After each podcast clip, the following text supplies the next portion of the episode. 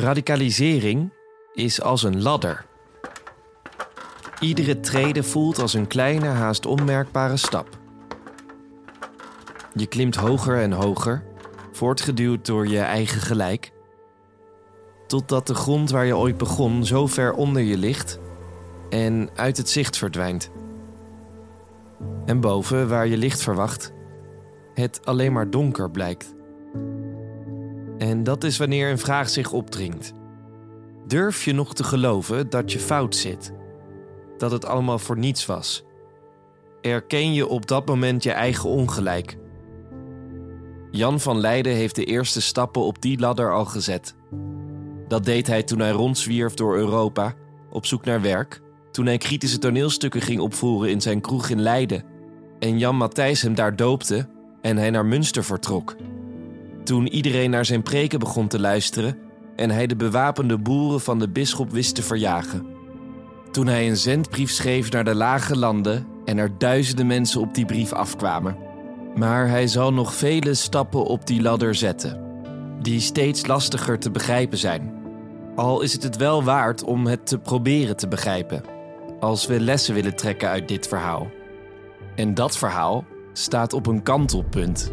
Want nadat de boeren van de bisschop de stad hadden verlaten, werd Münster hermetisch afgesloten. Met haar twee stadsmuren en slotgrachten bleek het een uitstekende vesting. Heinrich Resbeck schrijft in zijn dagboek dat de wederdopers na het sluiten van de poorten massaal naar de kathedraal renden en daar geen van de schilderijen, beelden of meubels heel lieten. Daar vierden ze dagenlang feest. De priesters van de kathedraal werden verdreven en zullen pas terugkeren als de stad veroverd is. Toevallig was het ook tijd om een nieuwe gemeenteraad in Münster te kiezen. En zo stond ineens de voltallige gemeenteraad aan de zijde van de wederdopers. Buiten de stadsmuren bereidden de troepen van de bisschop inmiddels een belegering voor om Münster terug te winnen. Maar dat kon Jan Matthijs, de profeet uit Haarlem, maar weinig interesseren. Hij had namelijk al voorspeld dat over een aantal weken op Pasen van het jaar 1534 het einde der tijden zou aanbreken. En het was nu vooral zaak om de stad zo snel mogelijk te zuiveren. Maar dat laat ik je natuurlijk door Luc vertellen. Jan Matthijs die verzamelt zijn getrouwen om zich heen en zegt van ja, het is nou zaak om de stad te zuiveren.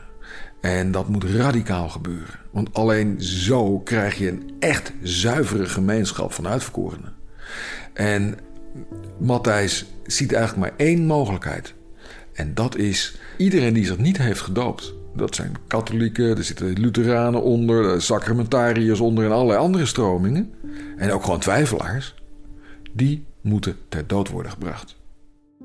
Dit is aflevering 3 van Jan van Leiden en het einde der tijden. Nou, en dan zien we al een van die eerste verschillen tussen Jan Beukels en Jan Matthijs. Misschien ben je het vergeten, maar Jan van Leiden heette vroeger dus Jan Beukels. Jan Beukels die zegt, nou, laten we dat maar niet doen. Er zijn voorzichtige manieren om hiermee om te gaan. En bovendien kunnen we nog meer gelovigen halen uit die grote groep van twijfelaars. En dat gebeurt tijdens een uh, hele uh, ongure winternacht. En waarbij de, de, de sneeuw door de straten jaagt. Dat de wederdopers, de oorspronkelijke inwoners van Münster die zich niet hebben willen laten dopen, dat die, die worden van hun bed gelicht. Er wordt gewoon op hun deuren gebonkt. En die mensen worden naar buiten eigenlijk gesleept. En die krijgen die keuze. Of je laat je nu dopen. Of je vertrekt nu met wat je aan hebt. En je, en je mag niks meenemen. Je moet je voorstellen, je, in, in, in, je nachthemd ga je zo de natte sneeuw in. En, uh, en nou ja, er zijn, zijn honderden mensen die de stad uittrekken. Maar er kwamen natuurlijk ook altijd nog gelovigen af op die zendbrief van Jan. En die trekken dus de stad binnen. En de leeggevallen uh, woonruimte valt meteen aan hun toe. En dat houdt zichzelf min of meer in stand. dus op een gegeven moment heb je een stad van zo'n 8000 mensen. Daarvan is nog een deel oorspronkelijke bewoner. Maar een groot deel is net binnengekomen. En die betrekt huizen die zeg maar een paar dagen eerder nog gewoon van de oorspronkelijke Münsterse bewoners waren. Met alle spullen er nog in. mensen die hadden besloten om in de stad te blijven, werden de volgende dagen één voor één op het Domplein gedoopt. Jan Matthijs hield toezicht op die doopceremonie. Daar stond hij, onaangedaan door de kou, de regen of de sneeuw, te brullen tegen de mensen die langzaam vooruitschuifelden. Zien jullie niet hoe de elementen jullie vijanden zijn? zou hij geroepen hebben. Maar met die gedwongen doop waren de oorspronkelijke bewoners van Münster er nog niet. Ze waren immers niet vrijwillig die volwassenendoop ondergaan. En dus moesten ze allemaal boete doen van Jan Matthijs. Dan staan er ineens allerlei, ook weer nogal theatrale gebeurtenissen op de rol. Jan Matthijs, bijgestaan door zijn companen, waaronder ook Jan van Leiden, roepen dan alle inwoners van Münster, zij die zich gedoopt hebben en zich niet gedoopt hebben, naar de markt. En allemaal moeten ze met het, het gezicht uh, naar beneden liggen, met hun snuffert in de aarde. En daar moeten ze allemaal urenlang bidden dat God hen zal vergeven. Want er zitten nog een aantal mensen onder u die zich niet hebben laten dopen. En voor hun ziet het er zwaar uit. Er wordt, echt gedreigd. Zij verpest het voor de rest. En, ze, en, en, en eigenlijk ook voor de hele mensheid. Want de heilsgeschiedenis, dat gaat over ons allemaal. De laatste inwoners van Münster laten zich daar dopen. En vervolgens worden ze allemaal naar de Sint-Lamberti-kerk geleid. En daar moeten ze op handen en knieën nog urenlang bidden. Tot de deuren van de kerk theatraal worden opengeslagen en Jan van Leiden daar staat. Lieve broeders en zusters, ook jullie horen nu bij het heilige volk. En iedereen die nou nog binnen de, de, de, de muren van Münster zat, die had zich laten dopen. Een groot aantal gewoon helemaal vrijwillig en uit puur geloof, maar ook een significant aandeel uh, onder druk. Jan Matthijs had eindelijk zijn zuivere bevolking. Maar het nieuwe Jeruzalem moest wel zo blijven totdat het laatste oordeel eindelijk plaats zou vinden. En daarom vonden er massale boekverbrandingen plaats. Sprookjes, ridderverhalen, biografieën van heiligen, getijdenboeken, alles wat niet de Bijbel was, werd verbrand. En dus ook alle administratie van de stad, de schulpenwijzen, rekeningen, allemaal onnodig in de heilige stad.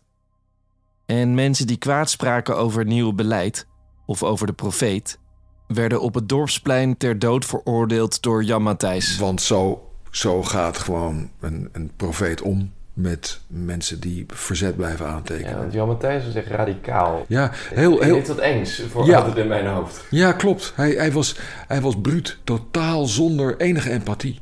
Dus ook zonder enig, enige uh, realiteitsbesef. Terwijl Pasen naderde, kreeg Jan Matthijs weer eens een visioen.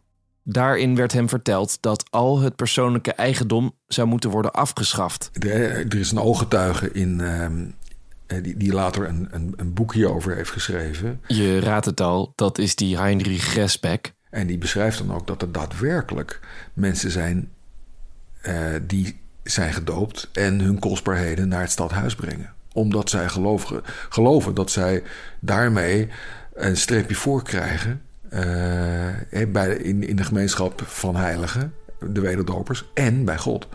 Maar je hebt natuurlijk heel, heel erg veel mensen die denken: dag, ik blijf zitten waar ik zit. En ik hou mijn eigendommen mooi. En dus begint Jan van Leiden te preken over het belang van ja, deze vroege vorm van communisme. En er gaan verhalen rond dat je onthoofd zult worden als je niet alles inlevert. En zo wordt de komende twee maanden steeds meer ingeleverd bij het stadhuis. En nadert Pasen, de dag dat het einde der tijden zal aanbreken. Ja, en dat is het grote moment. Dan, dan, dan moet uh, gaan blijken of God inderdaad de, de maatregelen die hebben moeten leiden tot een zuivere, zuivering van de gemeenschap der heiligen, of het afdoende was geweest.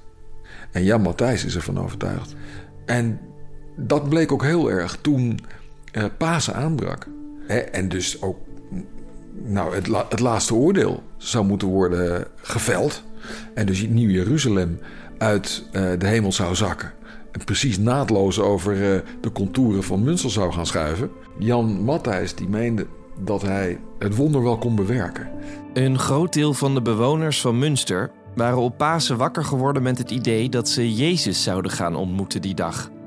Dat het nieuwe Jeruzalem uit de hemel zou neerdalen en dat alles goed zou komen, zoals het beschreven was in de openbaring van Johannes. Op paasochtend besloot Jan Matthijs, ooit een bakker in Haarlem, dat hij zelf de beslissende aanval zou uitvoeren die vooraf zou gaan aan de komst van Jezus. Dus hij eh, ging op een wit paard zitten met een grote witte apostelmantel aan. En hij, nam een paar uh, getrouwe wederdopers mee. En hij schreed zo als een, als een echte heilige. Vliet hij zo de stadspoort. Ging over die twee hangbruggen heen. En schreed zo af op de soldaten. Uh, van de bisschop. Want inmiddels was de bisschop begonnen met een beleg van zijn stad. En, uh, ja, en, en alle uitverkorenen die hebben zich verzameld op de, op de buitenste stadswal. om te kijken hoe, uh, hoe het wonder zich zal gaan voltrekken. En zij zien hoe ehm, eerst heel verbaasd wordt gereageerd door de soldaten van de bisschop van Münster. En dan vervolgens zien de mensen op de muren wat rookpluimpjes uit musketten komen. En zien ze op een gegeven moment hun profeet van het paard aftuimelen. Uh, ze zien de andere wederdopers die de profeet begeleiden, zien ze ook dood neervallen. En op een gegeven moment zien ze dat de koppen worden afgehakt en dat er vrolijk mee wordt gevoetbald. En dan weten de, de bisschoppelijke soldaten nog niet eens dat ze de profeet hebben gedood. Uh, maar wat er dan gebeurt op de muren van Münster, uh, onder de mensen die kort daarvoor nog dachten van wij, wij zijn uitverkorenen en we hebben een enkeltje eeuwig leven in de hemel, is dat er ineens een verschrikkelijke streep door de rekening wordt gezet. Zo was het niet afgesproken met de hemel.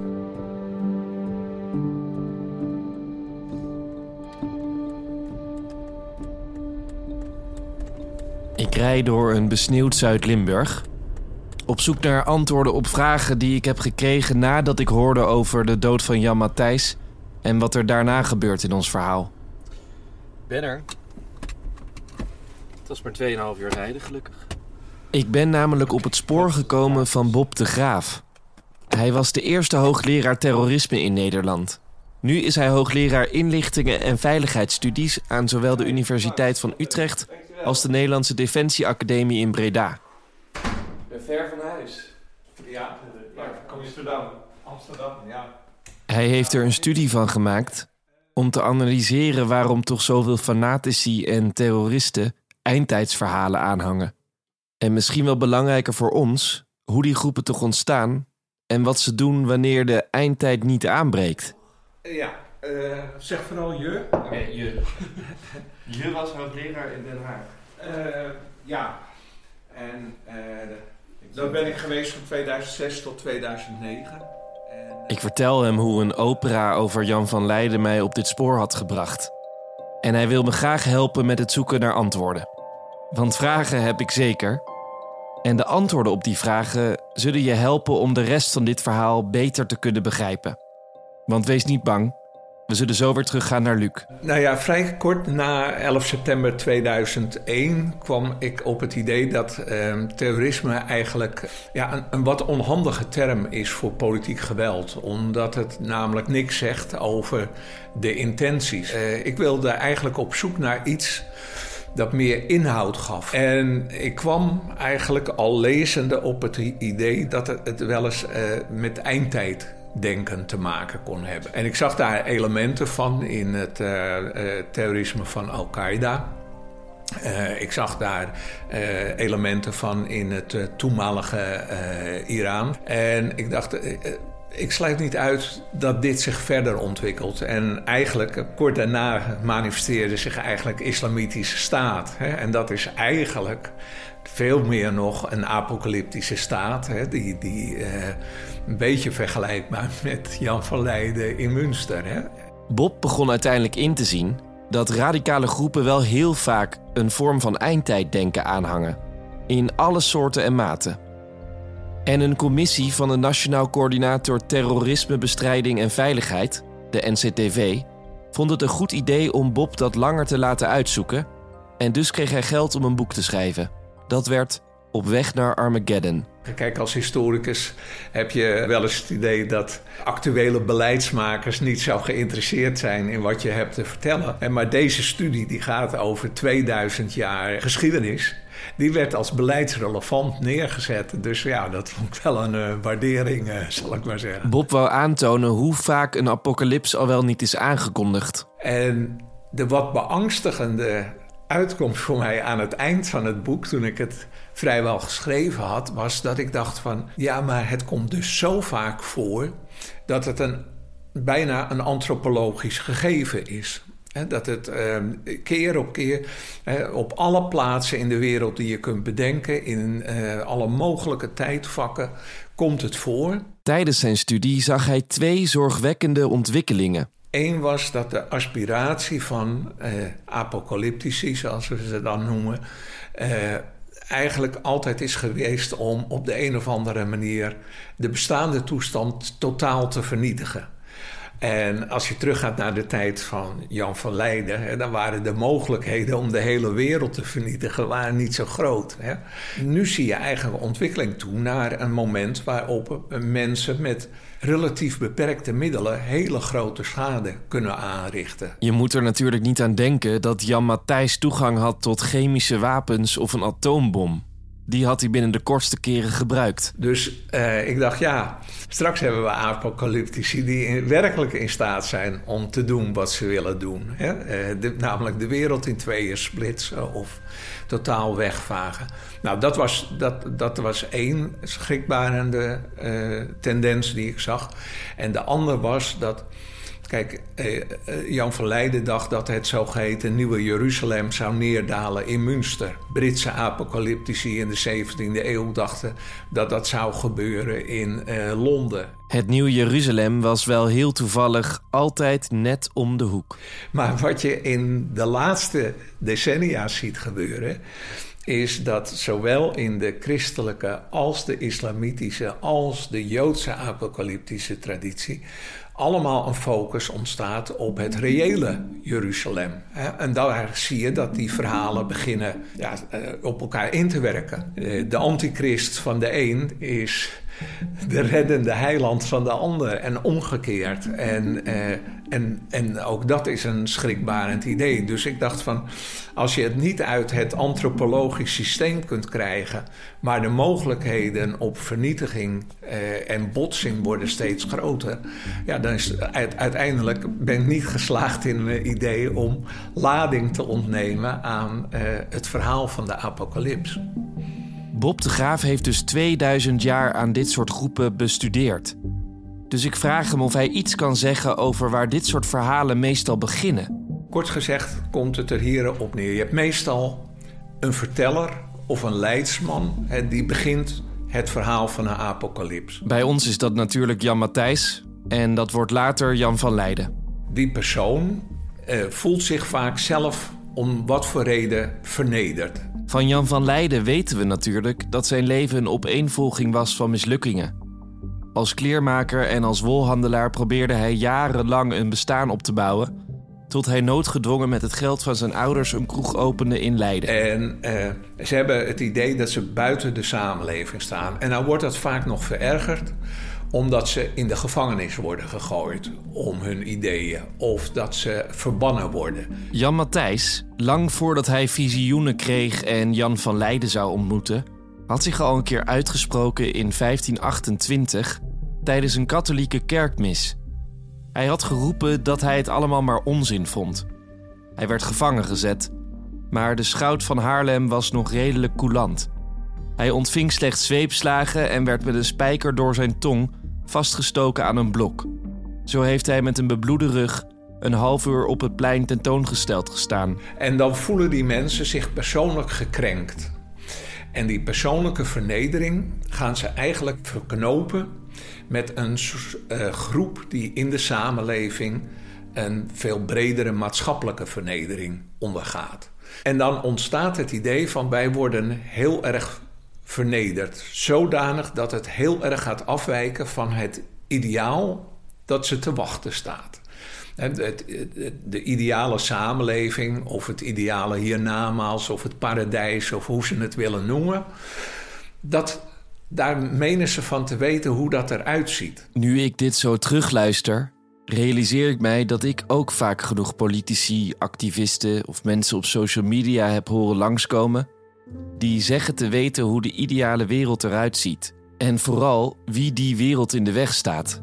Migranten, de elite, globalisten of wetenschappers. Het kunnen boeren zijn, linkse mensen, rechtse mensen.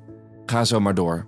En wat ze dan vervolgens doen is de weg die er zit tussen de ideale wereld en de wereld van nu, waarin vernedering, et cetera, plaatsvinden, zo groot maken dat het onvoorstelbaar is dat je niet iets zou willen ondernemen om die wicht te verkleinen en eigenlijk helemaal weg te halen. Dat is, dat is eigenlijk het, laten we zeggen, het, trucje hè, dat ze toepassen.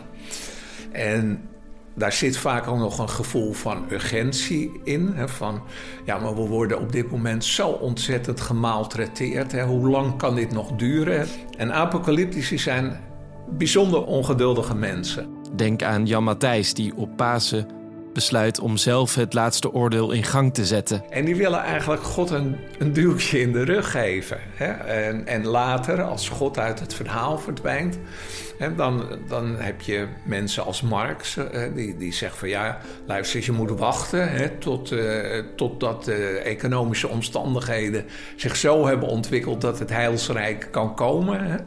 En dan zegt iemand als Lenin, die zegt ja Zeker in Rusland, zo lang kunnen we niet wachten. Hè. Dus daarom noemt, men apocalyptici ook vaak voluntaristen. De mensen die door de menselijke wil proberen eh, de sprong te maken van de gebroken wereld naar de ideale wereld. Maar daar komt altijd tegenstand bij kijken, vertelt Bob mij. Niet iedereen gelooft wat, ze, wat zij verkondigen en wat zij willen. Dus er is een groep die hun tegenhoudt. En eh, daarmee hebben ze de noodzaak gevonden om een heel sterke wij-zij-tegenstelling te creëren.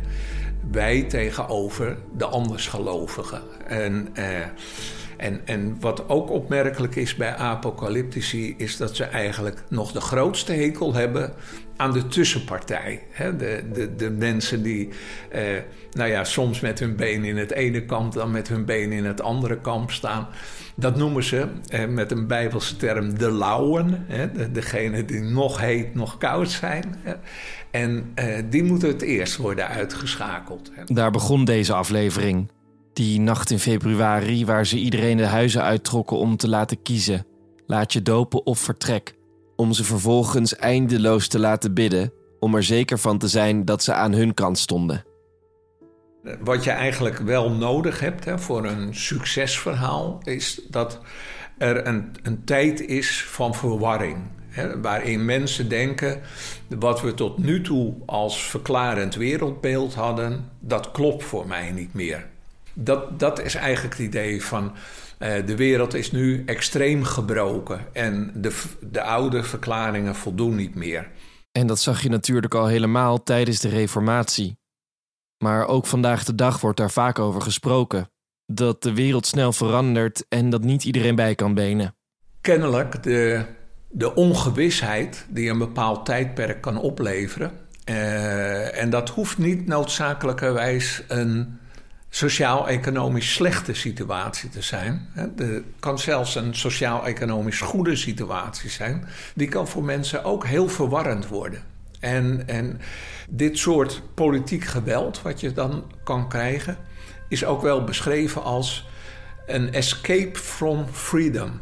Mensen willen weg uit de onzekerheid. Mensen willen weg uit de keuzemogelijkheden. Wat je kan zeggen is dat maar een beperkt deel van mensen in staat is om te denken van... nou ja, we gaan wel weer zien wat de dag van morgen brengt. Maar als mensen onzeker worden eh, en ze denken van... ja, ik, ik wist al niet hoe het met het klimaat zou aflopen. Eh, nu wordt het geloof nog in twijfel getrokken. We weten niet meer wie Nederlander is, enzovoort, enzovoort. En dan, dan, eh, ja, dan kunnen heel veel mensen opeens gaan zoeken naar, naar iets dat houvast biedt.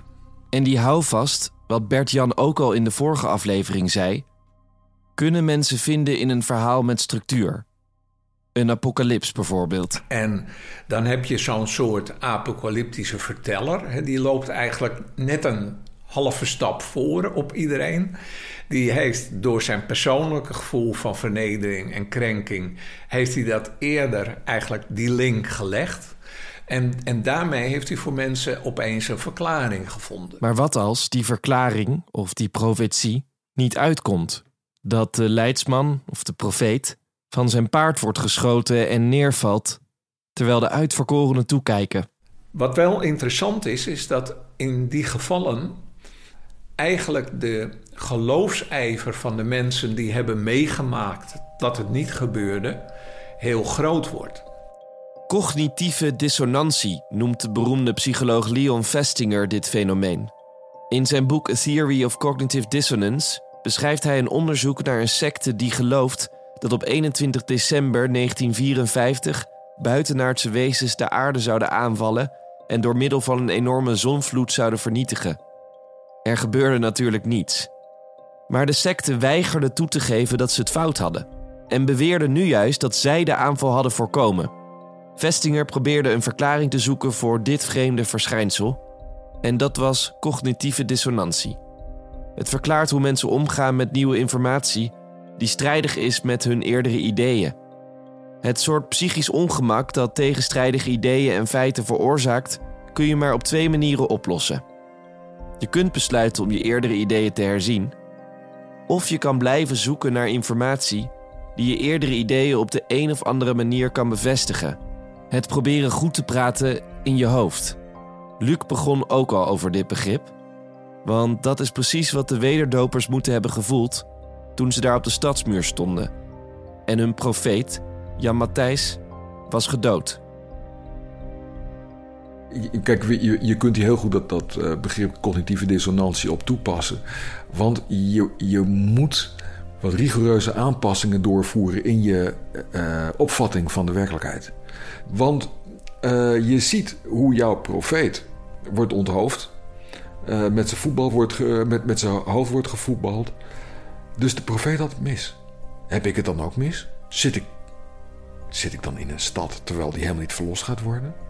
Als dat zo is, dan uh, zit ik in, in een stad die is belegerd. En als dat zo is, zal ik gewoon op de brandstapel eindigen. Dat is nogal wat anders dan het eeuwige leven. En um, dit is uh, een van de grote momenten in het verhaal van de wederdoperse Münster. Want de wanhoop slaat toe. En als er dan niet heel snel iets gebeurt, dan, dan implodeert eigenlijk het hele zaakje. De beloofde stad was ineens een gevangenis geworden. En dit is dan ook het moment dat Jan van Leiden ingrijpt. Want Jan stond ook op de stadsmuur. Hij was zo slim geweest om niet samen met Jan Matthijs op de troepen van de bisschop af te stormen. En um, hij heeft toen heel goed moeten nadenken van... Hm, het zit toch anders. Maar wat? Maar hoe? Jan van Leiden was een week lang nergens te bekennen. En dat terwijl hij de overduidelijke opvolger van Jan Matthijs was. Ondertussen liet de bisschop tientallen vluchtelingen uit de stad vlak buiten de stadsmuren ophangen. Het was een duidelijk signaal. Jullie zitten als ratten in de val. Na enkele dagen hingen de troepen van de bisschop de genitaliën van Jan Matthijs aan de stadspoort. En een van de soldaten had pest terug zijn broek naar beneden getrokken en zijn ontblote billen richting de wederdopers op de muur gedraaid. Hij werd met een lange afstandsschot uit een van de kanonnen op de muur aan flarden geschoten. Overal was ineens gejuich te horen. Een lichtpuntje in deze donkere tijd. Want die kogel zou natuurlijk door God geleid zijn. S'avonds liepen ze weer terug naar huis en sloeg de twijfel weer toe. Wat nu? Was het allemaal voor niets geweest? Maar Jan dook op het juiste moment weer op. Hij liet alle inwoners van Münster samenkomen op het Domplein en gaf daar een speech. Lieve broeders en zusters, je zult niet bedroefd zijn om de dood van Jan Matthijs, onze profeet, want het was Gods wil dat hij zou sterven. God wil niet dat je meer in Jan Matthijs gelooft dan in hem. Jan Matthijs had zichzelf hoger gesteld dan God. En daarom moest hij gaan.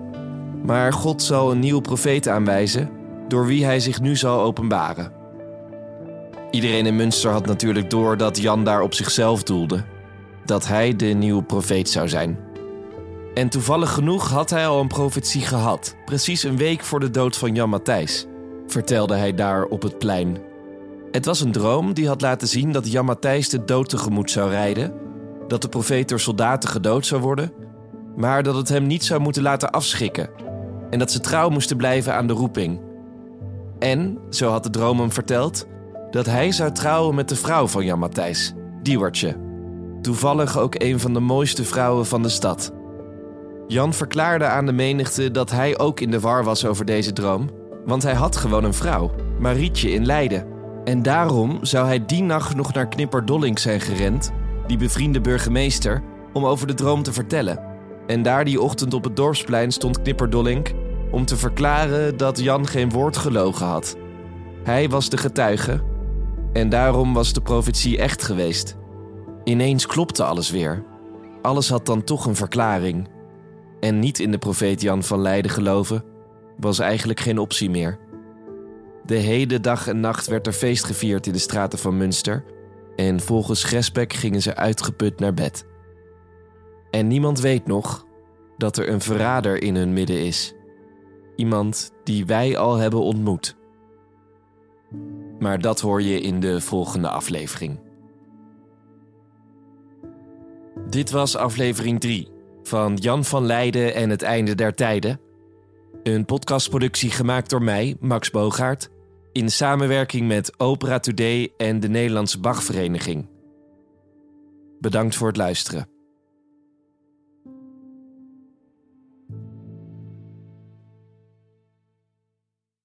Dag luisteraar, kan jij nou nu al geen genoeg krijgen van het verhaal van Jan van Leiden? Nou, die opera J.S. Bach, de Apocalyps, die geregisseerd is door Serge die aan het begin hoorde, speelt komende maanden op verschillende plekken in het land. Een prachtige manier om dit verhaal tot leven te zien komen.